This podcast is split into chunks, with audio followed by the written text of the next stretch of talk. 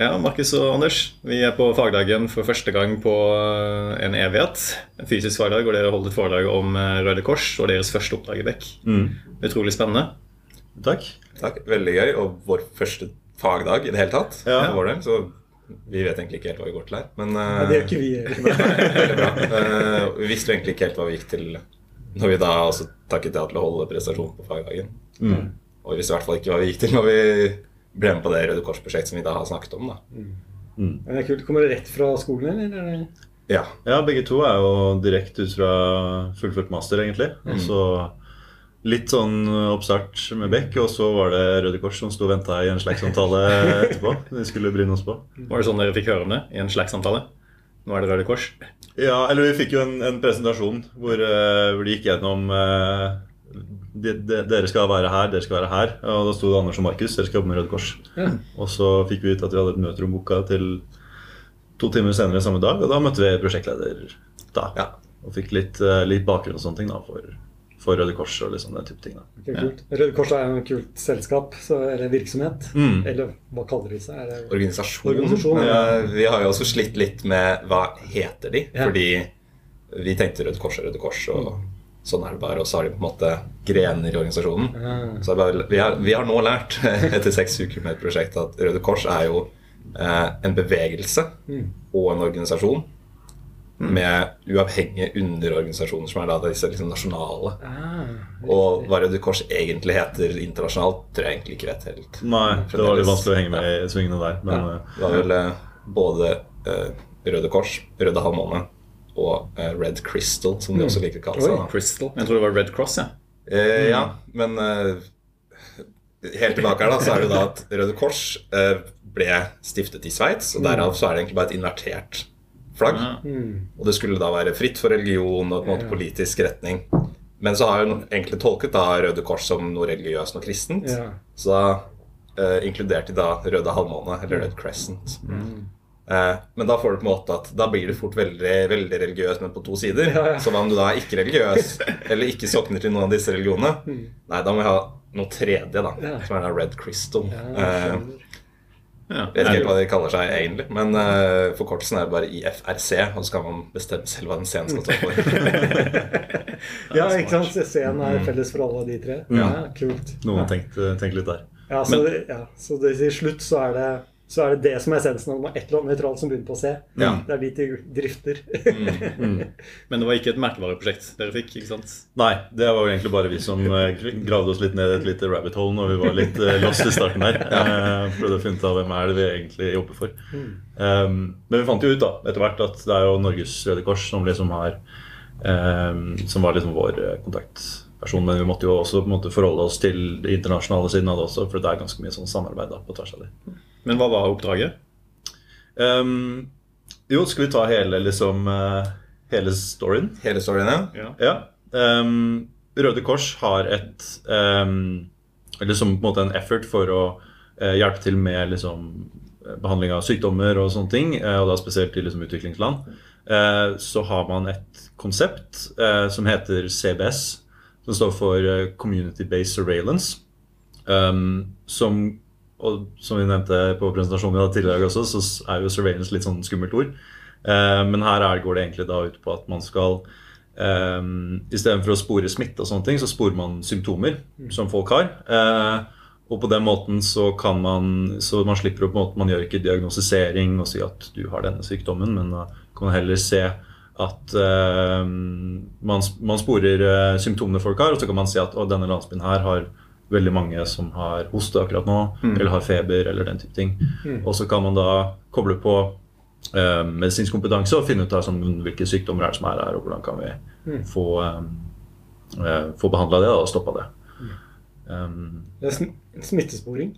Ja, eller eh, symptomsporing. Ja. Fordi de, det er, eh, de som på en måte registrerer her, er jo frivillig lokalbefolkning. Så det er på en måte ingen, eh, på en måte ingen kompetanse på en måte, hva er det du er smittet av. Nei, nei, Men de kan jo helt fint se hva slags symptomer er det du har.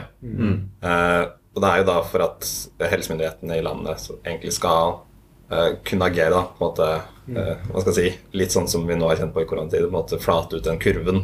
På en måte stoppe, stoppe det kanskje før det blir en epidemi. da, altså, eh, Gjerne da også eh, i utviklingsland der kanskje også det systemet for at blir du syk, hvem er det som får vite det? Får helsemyndighetene vite det om en halv landsby på en måte ligger brakk da, med sykdom?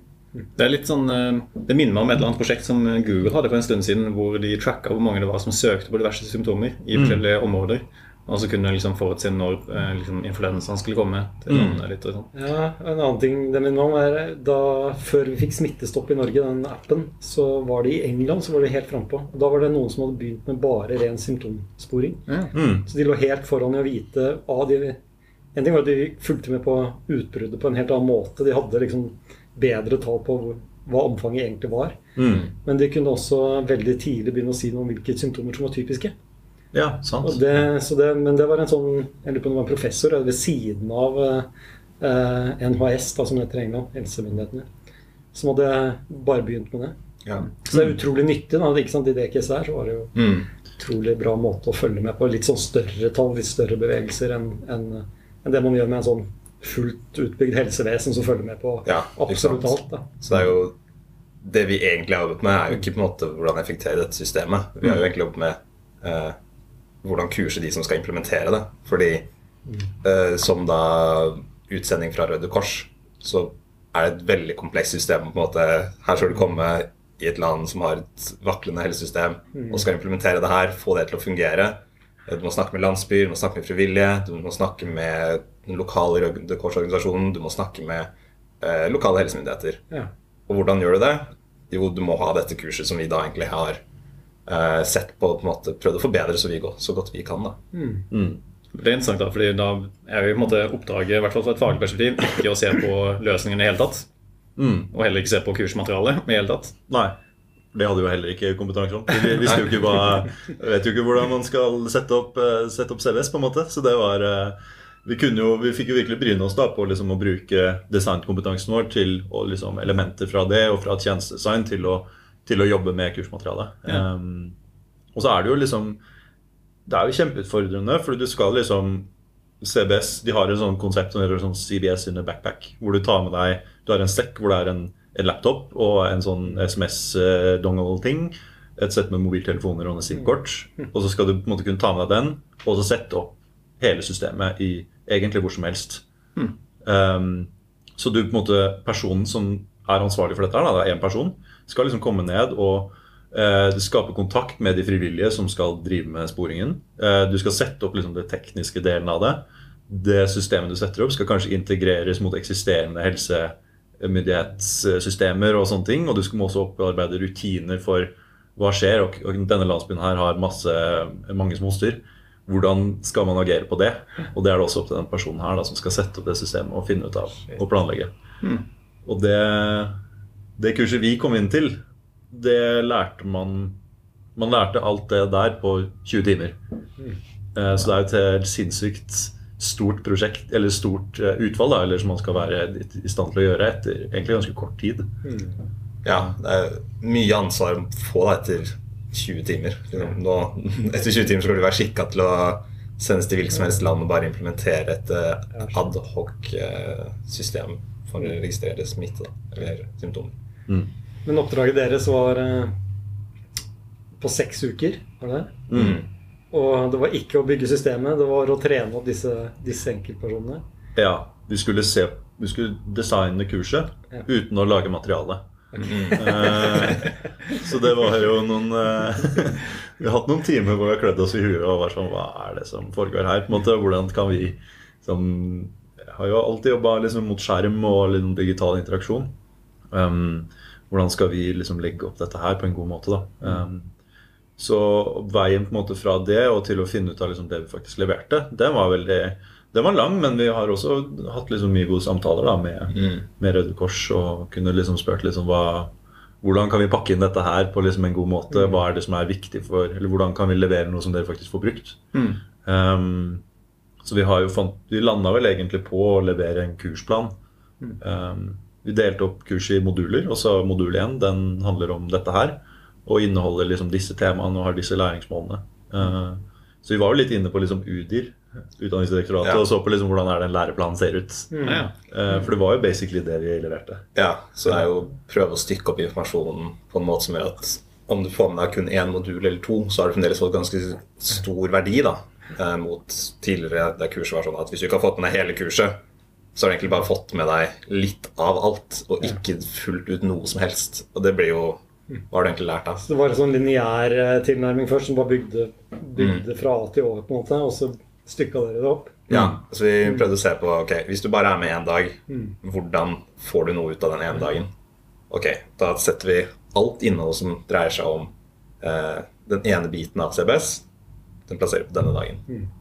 Kommer du kun den dagen, så får du dette. Da vet du i hvert fall den ene biten. Mm. Og så kan du eventuelt plukke de andre modulene seinere. Ja, for eksempel. Eller hvis du allerede har kanskje gått gjennom via, har andre kurs i Røde Kors, da, så kanskje du har gjort ganske mye av det som gås gjennom. For det er jo enkle ting som er kanskje mer generelle, som handler om på en måte, generell smittesporing eller generell sånn der, ta kontakt med lokalbefolkning og soft skills og sånne ting. Ja. Uh, hvis du allerede kanskje har gått gjennom ganske mange kurs tidligere i Røde Kors, som du gjerne ofte har gjort hvis du på en måte er helt oppe og, og skal begynne å implementere uh, symptomsporingssystemer, så er det nok mye du kan hoppe over, og derav kanskje ikke bruke tiden din på, på måte alt. Ja, kult. Men uh, hvordan uh, var det dere kom frem til at den modultilnærmingen var den beste? Var det liksom rett inn på Udyr og fant ut at det var sånn læreplanen funka, eller var det noe innsiktsarbeid, eller hvordan var det? Vi starta jo Vi kan jo kanskje gå gjennom litt prosessen. Ja. Um, vi starta jo første dagen etter at vi hadde hatt det møtet med, med Røde Kors. Så fikk vi tilsendt en mappe, en zip-fil, med tidligere kursmateriale. Så vi brukte ganske eller, ja, noen dager på å gå gjennom det og på en måte gjøre oss opp liksom tanker om sånn, hva, er det, hva er det vi egentlig ser på. Hva er liksom materialet, hva slags type materiale er det. Um, og hvordan lærer man bort ting her? måte, Hvordan er det de har gjort det til nå? Um, og så um, gjorde vi oss opp noen tanker der. Men så ville vi jo veldig tidlig, i hvert fall ut ifra liksom den tjenestedesign og den, den uh, human computer interaction liksom, måten å tenke på, så vil vi jo veldig tidlig skape uh, og liksom bygge empati med kursdeltakere. Eh, og det syns jeg var kanskje den mest interessante delen av det. Å liksom ringe rundt til eh, Vi snakka med en i Jemen. Ja, og Colombia, Og og Australia, Australia har vi med. Canada Ja. Ja. Det har vært et internasjonalt prosjekt hvor vi har snakka med folk som har vært gjennom kurset og, og har liksom fått oppleve det materialet selv. da. Eh, Så der kunne du liksom ta en sånn typisk designmetodologi og liksom bruke det Ja. i en helt ny kontekst. Jeg tror jeg aldri noen gang har hatt et prosjekt der på en måte de du intervjuer, er bare så engasjerte. Sånn, de som jobber i Røde Kors, bare eh, ja, man, sånn, Ofte når man på en måte er i en intervjusetting eller på en måte som brukerintervjuer, så tenker du sånn at man kanskje alltid må dra svarene ut av det. Og her var det, det var så sterke meninger, og det var bare sånn De Ja. Vi måtte, det var ofte vi som måtte avslutte. på at Nå må vi, må vi runde av møtet her, fordi vi har ikke mer tid. Og de hadde ja, sterke meninger og utrolig hyggelig at det på en måte tar seg tid. Da, sånn som eh, en intervju vi hadde med en som satt i Jemen, en lege der, som måtte ta tar da fri fra en ekstremt hektisk hverdag for å sitte og snakke med, med oss to om hvordan det kurset han gjennomgikk for et halvt år siden, kan bli bedre. Kommer de med konkrete på måte, forslag på ting de ønsket skulle forbedres, eller var det liksom en Ja. Ja, begge, eller begge deler. Um, eksempel en ting var jo at det digitale kurset vi kom til, um, foregikk på ettermiddagen.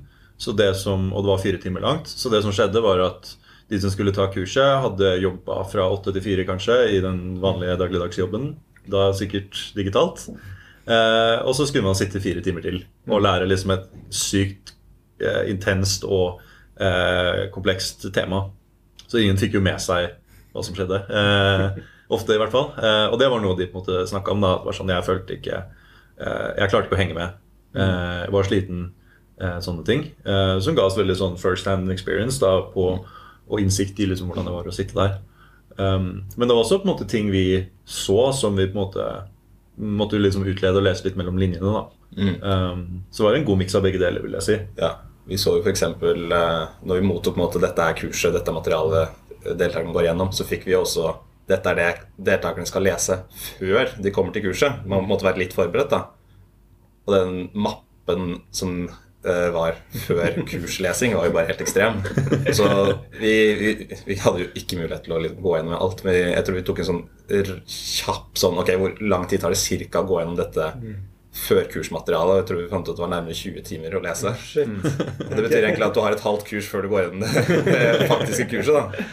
Og det, det blir på en måte for, det blir for mye, det blir for ekstremt. Og da, når vi da stiller spørsmål til de i intervjuet Leste du eh, materialet du skulle gå gjennom før kurset, så sa de aller fleste nei. Det hadde jeg ikke tid til. Og veldig forståelig at eh, du ikke kan gå gjennom 20 timer med på en måte lesemateriale før du skal være med på et kurs.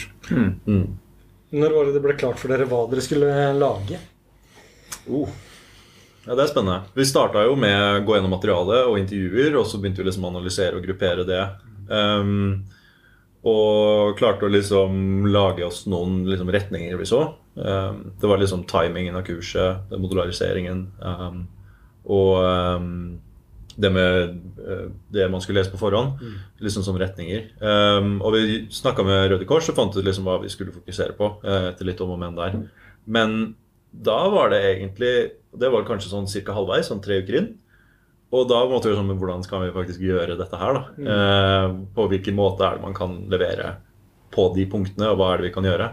Um, og det satt vi og sleit med ganske lenge, så da måtte vi liksom gå litt sånn fram og tilbake med kunden og kundene Rødt Kors da, eh, og liksom høre litt hva er det de, eh, hva er det de på en måte foretrekker, hvilken informasjon er det de trenger. Og vi hadde mange runder hvor vi på en måte lagde en plan, og så fikk vi litt sånn tilbakemelding da på hvordan den så ut, og hvilke hvilke type ting vi burde ha med. og liksom sånne ting. Um, så egentlig veldig mye Der kunne vi også bruke litt sånn designmetodologi på å liksom finne ut av hvilken form er det leveransen vår bør ta. da, Og kunne gå flere runder på det. Ja, vi så jo, Selv om vi på en måte egentlig ikke har rørt kursmaterialet i seg selv, så har vi jo på en måte sett sånn Er egentlig den beste måten å lære seg akkurat denne biten på å lese? Kanskje det heller burde vært uh, rollespill, om det skulle vært en felles diskusjon. Så vi, vi har jo igjen, selv om vi ikke har rørt materialet i seg selv, kommet med forslag til at vi tror kanskje ikke dette er den mest, mest effektive måten å lære bort dette, dette materialet på. Ikke sant? Mm. Fordi det var kanskje ikke innenfor scope å liksom, se på ting som uh, selvstudiums måtte, liksom som Treehouse, eller hva det heter, den der hvor man kan ta programmene, måte, eh, studiene selv og sånt. Det var ikke noe sånn det var kanskje utenfor scope å bryte opp måte, innholdet i nye måter å lære seg det. Vi kunne komme med forslag på det. Ja. Um, det var en del av liksom Vi, hadde- vi snakka på en måte om overordna tema. F.eks. sånn her er det man eh, planlegger å rekruttere frivillige. Det var liksom et, et tema. Og så hadde vi forslag til dette er læringsmålene som burde være der, og det er noe vi virkelig måtte ha hjelp til å finne ut av. Jobba masse med Rødt Kors med det. Eh, og så, men så kunne vi på en måte komme inn med litt sånn outside perspektiv og se på hvordan er det man lærer dette her best. Og vi kunne liksom utfordre litt på det som tidligere hadde vært eh, powerpointer, f.eks., eksempel og, og um, um, diskusjoner i ettertid, kan vi kanskje gjøre det som rollespill. Og det var liksom noe de var veldig interessert i, da, å få den, det perspektivet utenfra. Kunne utfordre litt. Grann. Og Det er der jeg også tror det er mye verdi å hente. At de på en måte må se på de forslagene vi har. Og noe av det er sikkert helt umulig å få til, men jeg tror også den utfordringen kan være ganske bra da, for å få et bedre kurs til slutt. Eh, Litt, med litt fare for å trekke, starte et nytt tema. Men eh, en ting jeg la merke til eh, når dere snakket om dere brukte ganske mye tid på å finne ut hvordan dere kunne levere verdi. Mm. Uh, og det syns jeg var kjempeinteressant. Mm. Uh, og, og det jeg lurer, det jeg lurer litt på, er liksom Ga det verdi å lete etter hvordan dere kunne le levere verdi? Ja. Og kontra det å finne ut hva dere skal levere, liksom. Altså en, en ting er veldig konkret, vi skal lage en sånn og sånn dings som det her. Det andre er sånn Hvorfor gjør vi det? Ja, eh, vi hadde jo et punkt der der vi var sånn Ja, hvordan kan jeg levere verdi? Jo, vi kan jo se på denne delen av kurset. Eller skal vi ikke se på kurset i det hele tatt? Kanskje vi bare skal se på tilbakemelding. Hvordan skal dere bruke disse tilbakemeldingene bedre? Så jeg tror vi, når vi på en måte var omtrent tre uker inn i kurset, så følte jeg at vi hadde en sånn Nå har i hvert fall forslag til retninger som Røde Kors kan velge på en måte prioritere. da. Hva er det vi skal fokusere på nå de neste tre ukene? Men si at kurset bare hadde, eller vårt prosjekt hadde brått sluttet etter tre uker, for da hadde vi hatt sånn Her er fem punkter. Vi ser at dere har stort eh, potensial i å forbedre. Og så kunne vi på en måte lagt det der. Da og likevel da hadde vi på en måte fremdeles levert en verdi, for da, da har vi brukt tre uker på å kartlegge hvor er det størst eh, behov her. Ja. Men det, det der, det du sier, er jo også interessant, fordi dere hadde en slide hvor dere sa at dere kom rett fra bootcamp, hvor et av mantraene var jo å få ting rett ut i produksjon. Eh, og Bakgrunnen bak hvorfor man har det mantraet, er jo at man skal tenke MVP hele tiden. Hva er det minste du kan måtte levere, og få få det fortest mulig ut. Sånn at dersom måtte kurs, eller, måtte prosjektet hadde slutta etter tre uker, så har man noe. da. Så det virker som dere egentlig tenkte litt sånn iterativt påbygging av leveransen her, hvor dere måtte så på de retningene ganske tidlig. Og sånn at dere hadde en annen leveranse på enhver tid, da, uansett når det skulle eventuelt ta slutt. Ja, og vi har kanskje ikke diskutert, men vi føler at det er litt sånn Ja, ok, vi hadde forslag på retninger etter tre uker. De kunne, de kunne på en måte tatt over selv der, og så hadde det hva det hadde blitt til, vet man jo ikke, men da har de i hvert fall på en måte et utgangspunkt. Og så ga vi oss etter seks uker der vi følte at nå har vi på en måte levert noe vi er stolte av og fornøyd med. Og nå har Røde Kors noe å jobbe med. Men vi hadde jo også den siste biten som var forslag til videre arbeid. Vi la jo det inn i rapporten eller leveransen vi ga til de, der vi tenker sånn dette her har på en måte vært utenfor vårt scope og utenfor måte hva vi kan gjøre på seks uker, men vi ser fremdeles veldig stor verdi her da, og tenker at dette er noe dere burde ta tak i på et senere tidspunkt. Så vi håper jo på en måte også at vi har bidratt til videre arbeid for de da. At eh, på ting er på ingen måte ferdig. Fordi Det er kanskje neste punkt som er interessant å snakke om, er hvordan er det man sørger for at den sluttleveransen, som er deres måte, rapport, faktisk blir gjort noe med, og ikke havner i en skuff. Ja, eh, I dette tilfellet her så kan det nok uh, ha vært en utfordring. Vi, vi tror absolutt at de har tatt tak i det, fordi vi har vi, vi, vi hadde veldig mange i Røde Kors, men også i den uh, internasjonale Røde Kors-organisasjonen, som var med og på en måte sier sånn Vi tar ansvar for dette. Men så hadde vi f.eks. en utfordring at prosjekteier sluttet dagen etter vi leverte prosjekt. Sånne ting har man ikke kontroll over. Nei. Jeg, tenker, jeg tenker Der ligger mye av Hvis dere har gravd mye i hvordan det, dere leverer verdi, hvordan dette gir verdi liksom, totalt sett, så ligger jo på en måte insentivet for å gjøre noe med det litt på en måte bakt inn i selve materialet også. Mm. Jeg tror det, med, spesielt i liksom innsiktsfasen som vi jobba med, hvor vi på en måte snakka med de røde, eller det heter delegater, da, de som på en måte tar med seg den sekken og går ut. eh, og det er de som tar kurset. Um, og liksom kunne dele de innsiktene og på en måte forankre de tankene de hadde om kurset, og deres opplevelser med Røde Kors. Uh, så tror jeg det liksom var veldig viktig for at de skulle skjønne liksom alvoret, egentlig. da, At sånn, dette her er faktisk, uh, faktisk viktig at man ser på. Um, F.eks. han i Colombia uh, som liksom tok kurset i november. Og så en måned seinere skulle han dra til Colombia og sette opp dette her. Og han var kjempestressa fordi eh, han var, eh, syntes det var skikkelig vanskelig, og kurset var liksom vanskelig å følge med. Eh, og når vi på en måte kommer og snakker med Røde Kors, snakker Røde Kors om det, og bare sånn Men de føler ikke at de er klare, på en måte. Eh, det tror jeg er en veldig viktig liksom, pådriver da, for deres del, at de faktisk skjønner jeg kaller det som skjønner litt sånn alvoret, da, eller at her er det noe som må gjøres. Ja. Um, Eller den der, dere formulerte en sånn bra, eller flere bra sånne Hva er det vi egentlig gjør? Jeg husker dere den siste, for den var jo skrevet ganske nydelig ut. Men jeg klarer å gjengi omtrent hva Hvordan var den? En var 'vi hjelper andre med å hjelpe andre med å hjelpe andre'. ja, stemmer det. Hva har du skrevet da? Eh, Vi hjelper Røde Kors i å holde bedre kurs, Mm.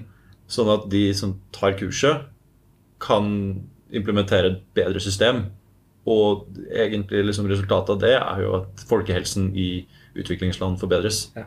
Um, så det er jo mange ledd eh, utover, men Men det er en tydelig verdi til slutt. mm, definitivt en veldig håndgripelig og motiverende verdi også for vår del. Um, For det var akkurat det jeg hadde tenkt å liksom grave litt i. Da, fordi det virker så Det kan fort virke i et sånt prosjekt. da. Det Mm. virke som et sidespor. Å ta og formulere noe sånt noe. Når man egentlig bare skal bare si eh, Egentlig bare skal skrive en rapport, på en måte. mm, Så, men hvordan opplevde dere det å jobbe med å jeg si, formulere noe sånt noe? Hva er, hva er effekten av det? Er det Det tror jeg vi må ta en eh, annen eh, Det er greit. Nei, takk for nå. Drypp er en lavterskelpodkast fra Beck, hvor vi diskuterer diverse temaer som interesserer oss. Og hvis du har et tema som du har lyst til at vi skal snakke om, eller du vil være med på en innspilling, ta kontakt på drypp.beck.no.